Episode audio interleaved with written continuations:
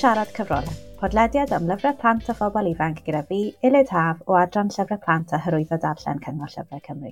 Yn y benod hon, bydda i'n siarad â dau o feirniad gwobrau tîm yn o eleni, Sara Iasin a Morgan Dafydd, ac yn mynd tu ôl i lenni'r gwobrau i weld sut mae'r gwobrau'n cael ei beirniadu. Cyn i ni ddechrau sgwrsio, dyma Helen Jones o Adran Hyrwyddo Darllen a Llyfrau Plant y Cyngor Llyfrau i egluro mwy am y gwobrau hunain i ni.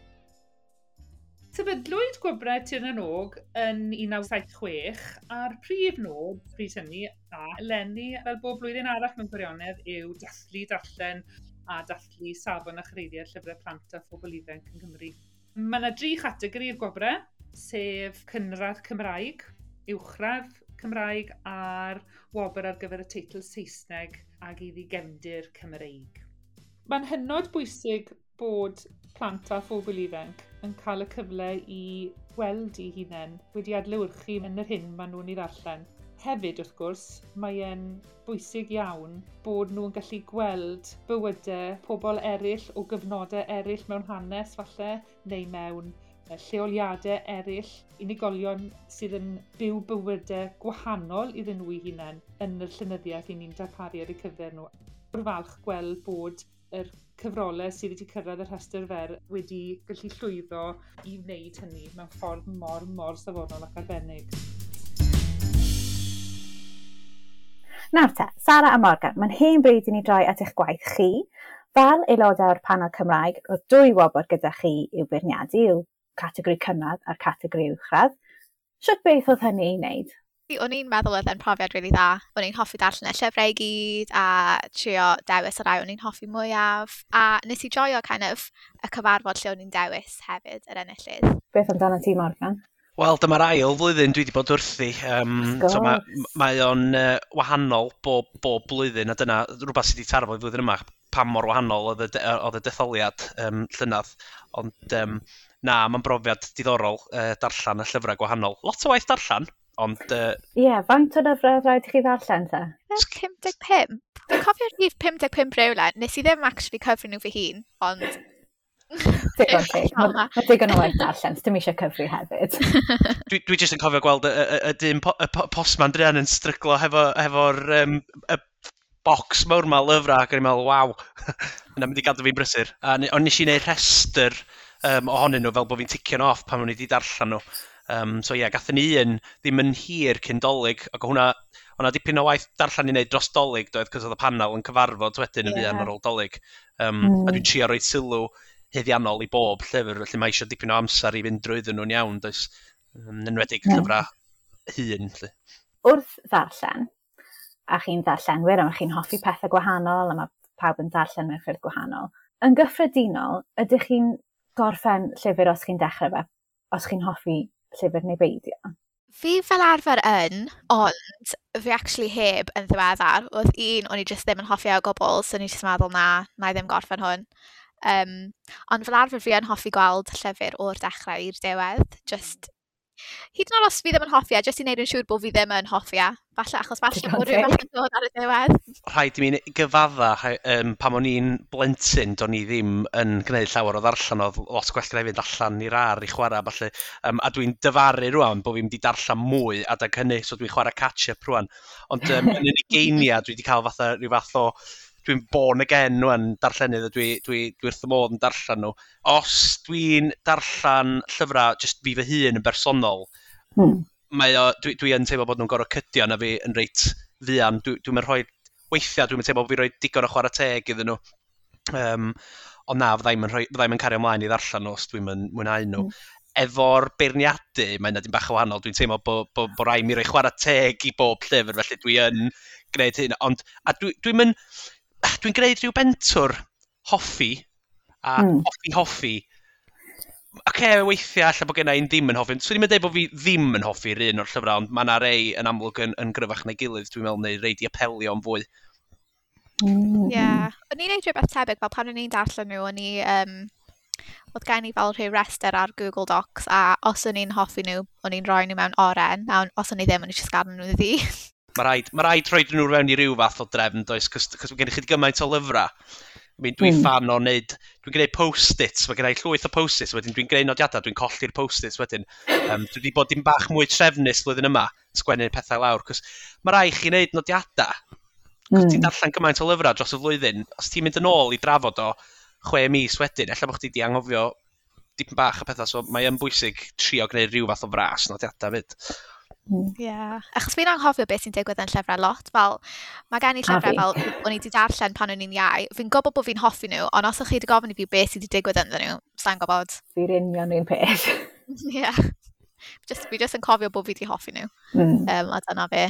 O'ch chi'n darllen y rhai cynradd gyda'i gilydd a rhai uwchradd gyda'i gilydd, neu jyst darllen beth bynnag o'ch chi'n ffansio darllen nesaf? Wel, mae'n dibynnu sut ddwrnod dwi wedi cael yn y, yn, yn y swyddfa, really. Um, e, Wel, mynd... dyna'r peth arall, chi'n bobl brysur, mae pethau eraill gyda chi'n gwneud hefyd yn does, felly mae hwn, mae'r beirniadu ar ben eich gwaith a'ch PhD, bob chi.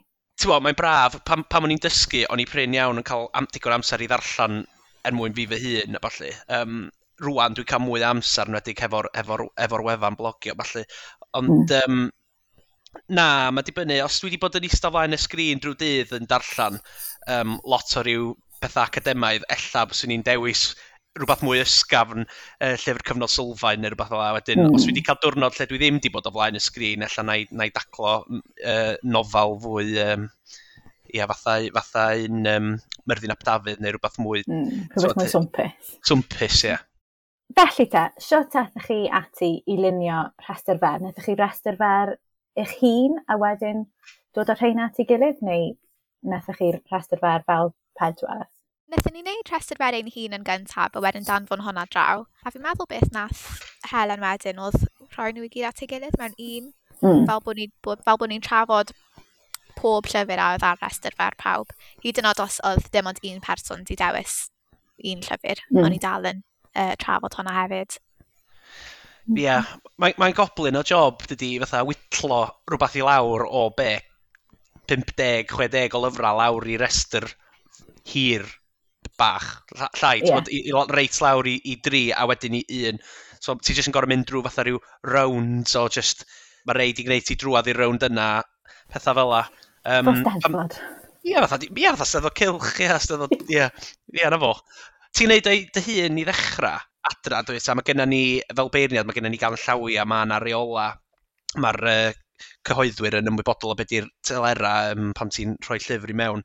A wedyn mae gennym ni fatha matrix sgorio lle mae yna cwbl o bethau da ni'n edrych ar a wedyn ie, da ni'n gwneud yn rhestr personol gyrru fod raw a mae yna rhywun, mae yna rhywun yn crunchio rhifa ac yn rhoi ei gyd mae'r spreadsheet, cos paid a gadael hynna i fi, de, dwi'n mynd all spreadsheet. A wedyn, um, ia, da ni'n trafod heina wedyn efo'n gilydd. Um, a hmm. lot mm. o ffrio, a lot o ddadla. Na, joc. O, oh, o'n i'n meddwl, right, beth yw'r juicy gos fan hyn o'r Morgan? Na, ti'n gwybod be, dwi'n meddwl, oedden ni'n ni, ni banal, oedden ni'n reit, uh, oedden ni'n civilised iawn, dwi'n meddwl, oedden na ddim ffrio. Ie, yeah. dipyn yeah, o... Oedden ni'n cytuno. Oedd na amball dwi'n un drwg, dwi'n gwybod pam bod fi'n feirniad, dwi'n un drwg am wneud penderfyniad. So weithio, oedd rhywun yn gofyn i fi wneud penderfyniad. Ac o'n i'n mynd rownd y byd am 10 munud, a wedyn o'n i dal heb ateb y cwestiwn pa un ti eisiau dewis.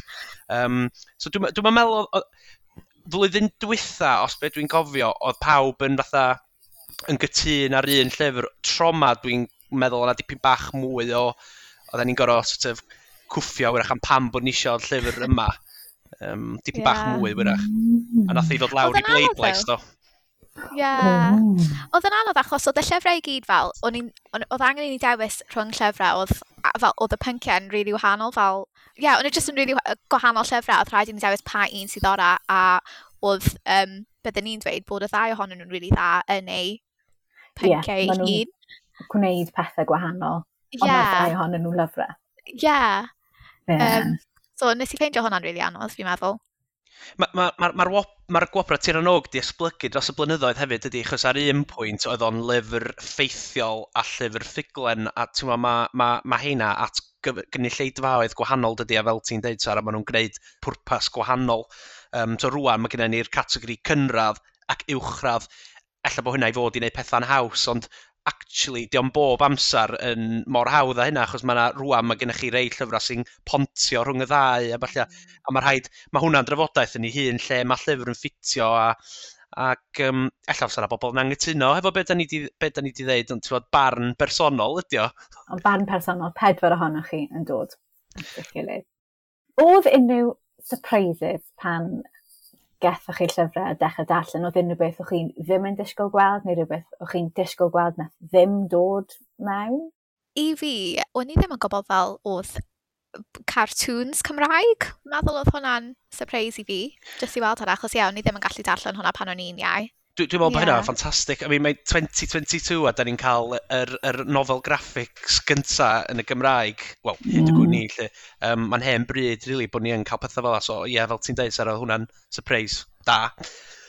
Nathon ni ddim tynnu dim allan um, lenni, chos weithiau, dyn ni rei ddim yn ffitio'r categori yn union. Um, dwi'n cofio, nathon ni'n gwneud hynny tro yma.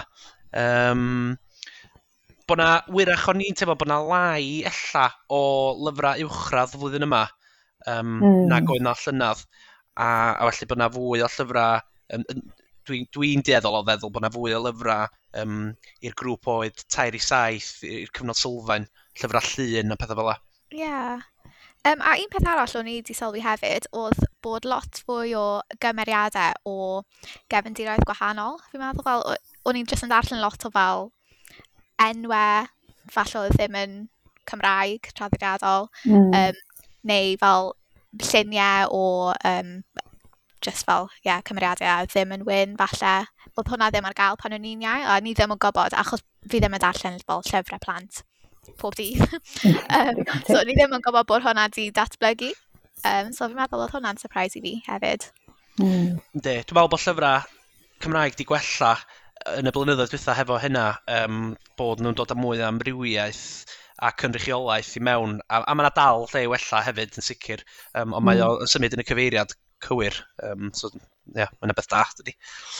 Ydy, ydy wir. Oedd unrhyw beth fyddech chi wedi hoffi gweld yn cyrraedd y rhestr mewn yn cael ei anfon mewn at chi o ddim yna? Dwi yn meddwl bod na dipyn bach o fwlch, deu gwir, mewn llyfrau, um, beth sa'ch chi'n galw'n Saesneg, y middle grade, um, mm. Tywa, rhwng 7 ac 11, mae y llyfrau Zoo, Sara Mai, heina wedi bod yn ddiweddar, mae heina yn llenwi y bwlch, maen nhw'n adio, ychwanegu at hwnna, ond um, dwi'n meddwl bod eisiau mwy, chos uh, sgen i'm y ffigurau i bacio hynny fyny, ond swn i'n dweud bod darllen bod bo lot o, o, o blant yn, yn darllen pan maen nhw'n ifanc efo'i rhieni a falle, wedyn, yeah. pan ti'n cyrraedd tua saith oed, wel, ti'n ti mae gen ti efallai bod chdi'n cael ffôn neu iPads a tablets a falle erbyn hyn, wedyn dwi'n meddwl bod yna fwy yeah. o distractions a mae'n anoddach i cadw plant yn darllen drwy'r oedran yna, so da ni angen mm. pethau i, i apelio, really. Mm. Ie, mm. yeah. achos mae'n cofio pan o'n i'n ysgol gynradd, fel, o'n i yn cymryd llyfr allan o'r llyfrgell, fel, just ar liwt fy hun, ond wedyn, ie, yeah, ar ôl cyrraedd ysgol uwchradd, o'n i ond yn darllen llyfr Cymraeg yn, er, um, yn gwersi Cymraeg, basically, fel y stuff oedd, oedd rhaid i ni kind of daransoddi a stuff. Um, a actually, nid just llyfr Cymraeg, hyd yn oed llyfr Saesneg hefyd erbyn hynny, achos y we.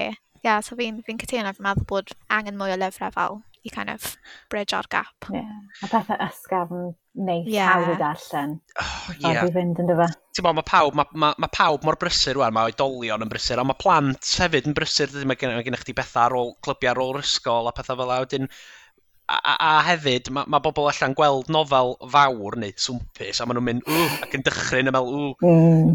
Um, o'n i fel na, dim bach, um, hefo llyfrau T. Llew Jones, ystalwm, yn meddwl bod nhw a, a, a nes i ddim darllen nhw, a wedyn rwan, pan dwi'n hun, dwi'n darllen nhw, dwi'n meddwl, o, oh, hyn yn oedd hein yn iawn, Bod, A dwi'n dyfaru bod fi'n di darllen nhw cynt, really, ond um, dwi'n meddwl weithiau mae iaith yn gallu bod yn, yn anodd mewn rei llyfrau hefyd, yn dydi? So dwi'n meddwl bod, bod eisiau bod yn ofalus iawn efo sut ti'n pitio'r iaith. Um, a dwi, mm. dwi meddwl bod y llyfrau, er enghraifft, yr ei Sara Mai yn, yn, yn, yn hitio yn, yn gywir yma efo'r efo iaith. Felly, felly wy'n cymryd tew hynny bod iaith yn ystyriaeth wrth feirniadu. Byddwn ni'n dweud ia, um, achos oedd un o'r uh, pethau o'n i'n edrych arno oedd fel, ie, yeah, ar ddill a just y ffordd, ie, uh, yeah, just yr iaith, fel sut oedd mm. sut oedd nhw actually yn ysgrifennu a pa mor hawdd oedd e i ddilyn hefyd. A fi'n meddwl bod pob un o'r llyfrau sydd ar y rhestr fer yn really hawdd i ddarllen. A, mm. Ac yn pethau byddwn ni hefyd wedi darllen pan o'n i'n iau. Hmm. Ti'n gorfod ti edrych ar bob peth, so mae'r iaith yn rhan bwysig, achos geiriau ydy, e, ond ydy craidd y llyfr, ynde? ond mae yna ma gymaint o bethau eraill mae rhywun yn gorau ystyried hefyd, fatha yr safon o golygu, a'r gyda chi'r cymeriadu, a'r plot, pethau fel la. Ond wedyn, da chi'n mynd i bethau mwy fel yr, yr, yr ffont, a sut mae'r llyfr wedi cael ei osod, a'r penodau, a, wel, y clawr a'r darluniau. Yeah. Mae heina'n cael lot o sylw rwan achos bod chi'n bod, mae ma, ma llyfrau'n gyffredinol yn erbyn lot o gystadleuaeth ydy pethau mm. digidol a pethau rwy. So mae rhaid i'r llyfrau yma edrych yn dda os ti'n mynd i gael plant a pobl i bigo nhw fyny o ddi ar y silff. Ie. Yeah. yeah. Achos hyd yn oed fel oedolyn, os fi'n agor llyfr a mae'r ffont yn rili bach, fi ddim yn rili eisiau darllen yna, mae'n jyst yn edrych fel bod yn rhy hir. Neu, fi'n gwybod dylech chi ddim, you know, don't judge a book by its cover, ond... Ond? chi yn. chi yn, fel byddwn ni ddim eisiau darllen llyfr os, os yw'r clawr ddim yn edrych yn ddeniadol. Cam cynta mewn i'r llyfr yn dyfa, dyna'r yeah. ffenas chop y llyfr mewn ffordd. Wel, da ni, yeah. di, ni di trafod llyfrau na i ddim enwi pa rwan. Da ni di trafod amball i lyfr lle da ni di mynd, waw, da ni di mwynhau'r stori na. Ond, o, oh, fydda ni di oedda'r clawr. Di'r clawr yna ddim yn gweithio. Bod, a wedyn, diom cweit wedi taro'r, neu diom cweit yn gweddu wyrach y llyfr, a diom yn gwneud cyfiawnhad efo'r efo, efo, efo stori weithiau. Um, ond ar y cyfan, mae'r safon di cynyddu lot yn y blynyddoedd dwytha, um, a maen nhw'n mm. ma nhw dda iawn ar y cyfan. Yndyn. Mm. Yeah. Ond i fynd nôl at, at yr iaith, actually, yeah, achos ar y rhestr fer, nes i, pan o'n i dewis rhestr fer fi, sorry, um, o'n i ddim, oedd fi, fyna i ddim enwi'r llyfrau, ond oedd rhai llyfrau lle oedd o'n i wedi ffeindio fe'n rili really anodd i ddarllen fel mm. oedolyn. So fel, o'n i jyst meddwl, fel plant, fel plentyn, byddwn ni byth wedi darllen hwn, achos oedd e jyst yn rhi anodd yn ieithyddol. Mm. Um, Ti'n eisiau gorau so mynd yn ôl tri, tri pedwar o weithiau i sbio drosodd a trio darllen neu synwyr, yeah. ond mae'n gorau... Mm. Ie. Yeah. Yeah, mae hynny'n tynnu'r mwynhad allan o'r darllen sydd byn yn diwedd wedyn.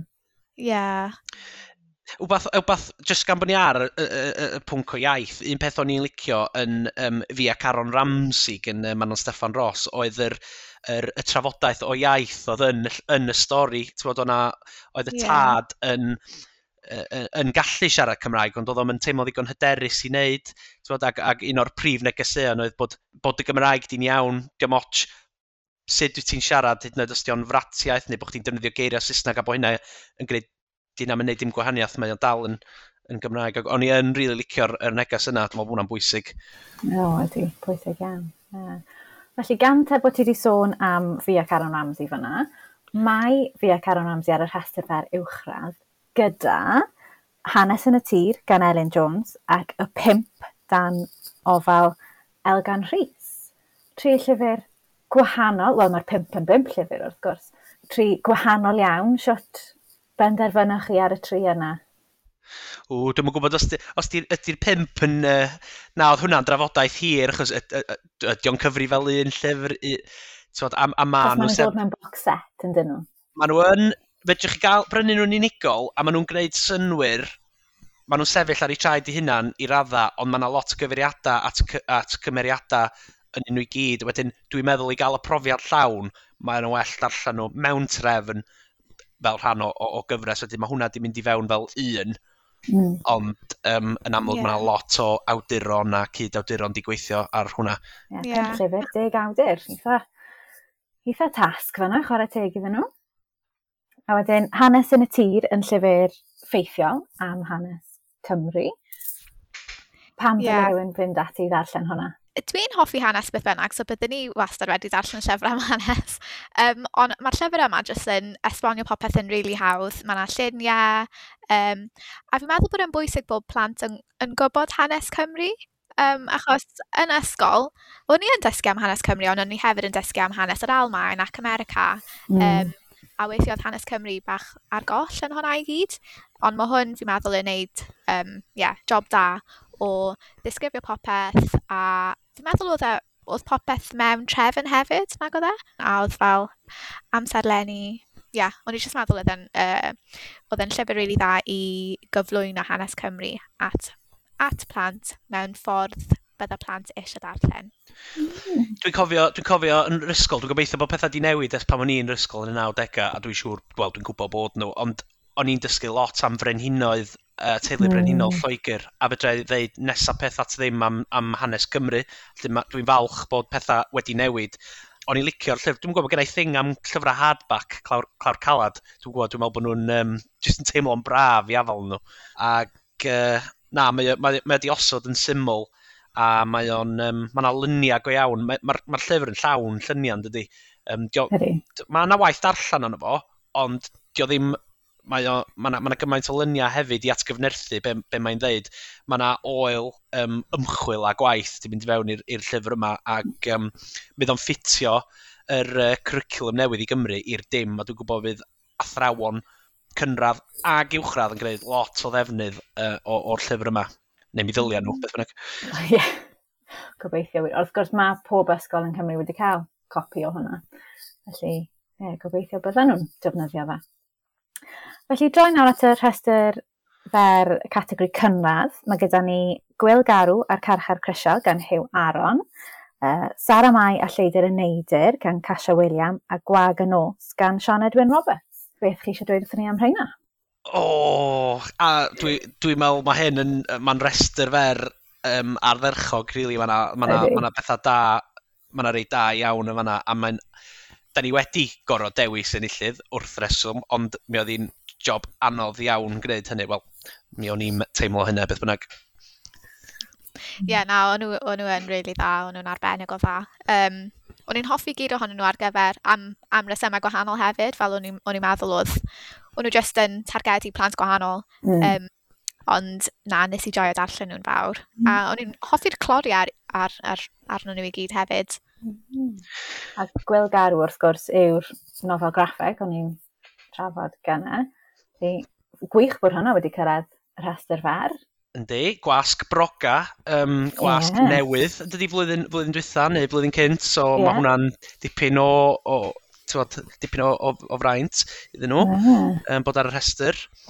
Um, a mae'n cynnig rhywbeth gwahanol, chos o'n i ddim wedi gweld rhywbeth fel 'na. So ma' gwreiddioldeb 'na yn rhywbeth 'da ni'n chwilio am hefyd, so oedd o'n wahanol iawn. A dwi'n meddwl, nid pawb sydd yn mwynhau darllen uh, ffuglen, ydych chi'n bod, uh, fatha nofela traddodiadol. Nofel, yeah.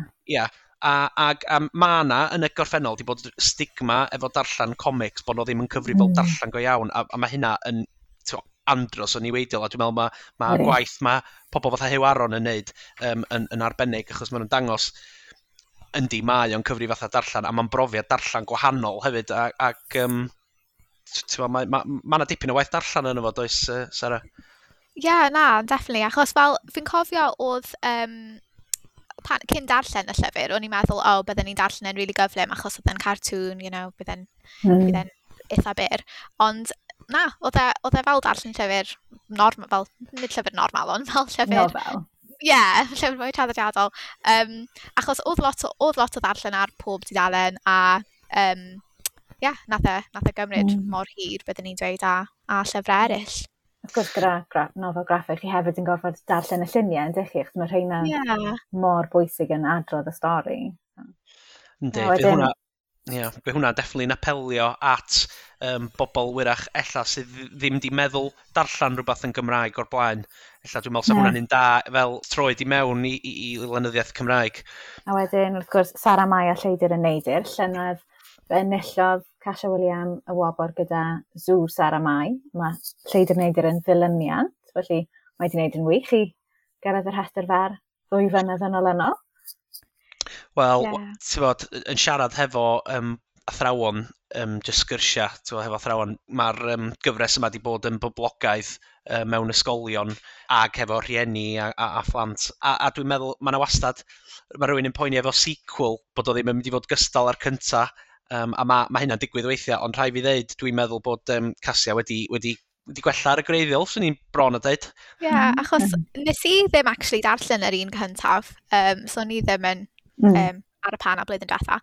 Um, ond o'n i'n meddwl oedd hwn yn gallu sefyll ar ben ei hun hefyd fel o'n i'n deall popeth oedd yn digwydd um, mm. a o'n i wedi dod i, uh, dod i nabod y cymeriadau yn eitha hawdd hefyd. Ond o'n i jyst yn meddwl oedd y stori yn um, yn cadw chi eisiau darllen mwy, fel o'ch chi eisiau gwybod pwy nath dwy'n yn neud yr... Oedd yn neis i weld fel bod y, y plant ei hun yn trio ffeindio mas pwy nath wneud e, achos nhw ddim yn ymddiried yn, yn yr heddlu, falle. Yeah. Um, so, ni jyst yn meddwl bydde fe'n llyfr byddwn ni wir wedi hoffi eto. Fi'n fi wedi dweud hwn lot heddiw, ond byddwn ni wedi hoffi hwn pan o'n i'n iau. Ond fi'n credu bod hwnna'n bwynt pwysig iawn i ystyried o'r darllen llyfrau plant, yn dweud. Mae yna blentyn bach yn dal i fod tu mewn i bawb, jyst achos bod ni ddim yn yeah. saith, wyth, naw, deg rhagor. Mae'n gweithio, well, dwi'n meddwl.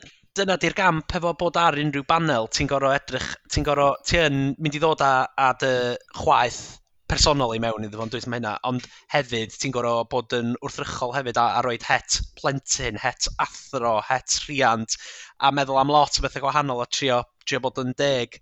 Um, ond dwi yn mm. meddwl bod uh, y cyfres Sara Mai efo um, winning combination, ti'n anifeiliaid, mae'n yna dipyn bach o detective uh, element mm. yn ymwneud oes, yeah. a, a wrth gwrs cyfeiriadau at pŵ eliffantod hefyd sydd yn uh, siŵr o... wrth gwrs bod bobl eisiau darllen am hynny. a byddwn ni ti hoffi hefyd bod, uh, bod hi'n cael yr un enw a fi. so wow. Siŵr yeah. A wedyn y llyfr arall, y llyfr ola ar y rhestr fer, Gwag y Nos, nofel gynta, Sean Edwin Roberts i blant. Gwrs mae di'n sgwennu llyfrau stori a llun, ffwrdd ac fred, ond mae nofel gynta hi. Beth oedd, beth oedd eich arwgraffiadau cyntaf chi o'r o hon? pan, pan weles i'r clawr yma, o'n i fatha, waw, rhai mi ddarllen y llyfr yma. Mae'r clawr yn hynod o effeithiol. Dwi'n meddwl na um, Al Almonia sydd wedi dylunio'r clawr cwmni. Um, dwi jyst yn meddwl bod hwnna, mae'n really creepy dydy, mae o'n, um, mm. o'n i'n mm. meddwl na mynwent oedd o'i ddechrau, ond, yeah, uh, ond, ond mae definitely'r creepy vibes, a mae'n ma gweddu'r llyfr i'r dim, a uh, o'n i jyst yn meddwl, mae'r, ma um, dwi'n gwybod, prolog di o'i anu, mae'r ma dalen cyntaf yn, yn, yn, yn hynod o effeithiol, swn i'n dweud, um, yr iaith, mae o'n reit ddiflewyn ar, da, ar dafod, really, um, ac o'n i'n hooked yn syth.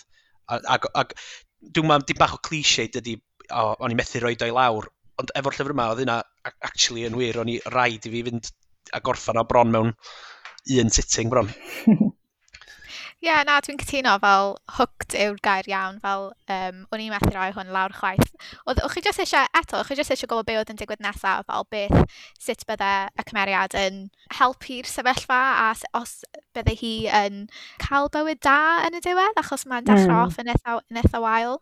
A ie, yeah, fi'n cytuno, oedd y clawr jyst eisiau chi darllen e yn syth, achos o'ch chi jyst eisiau gwybod pam, beth yw gwag yn os, basically. O, mae'r mm. ma ma, ma, ma um, y badi neu'r person yn y llyfr yma yn, yn, yn, yn, yn horrible, dydy. Ti'n mae'n... Uh, mae, na i'm spoilio yeah. gormod ar y plot, ond, ond um, yeah, da chi eisiau darllen y llyfr yma i weld beth sy'n digwydd iddi ar y diwedd.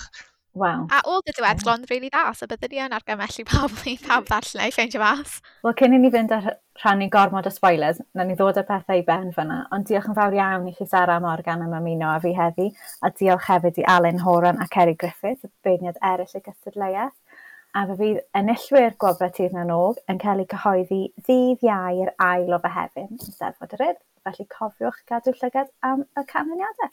Diolch yn fawr iawn i chi. Diolch. Diolch yn fawr. Os hoffech chi wybod beth sy'n debyg ac yn wahanol rhwng y categorïau Cymraeg a'r Saesneg yng Ngwobrau Tir Nanog, Mae penod o bodlediad Crank Up the Volumes ar gael lle bynnag chi'n ffindio'ch podcast yn trafod y gwobrau Saesneg. Tan tro nesaf, hwyl fawr!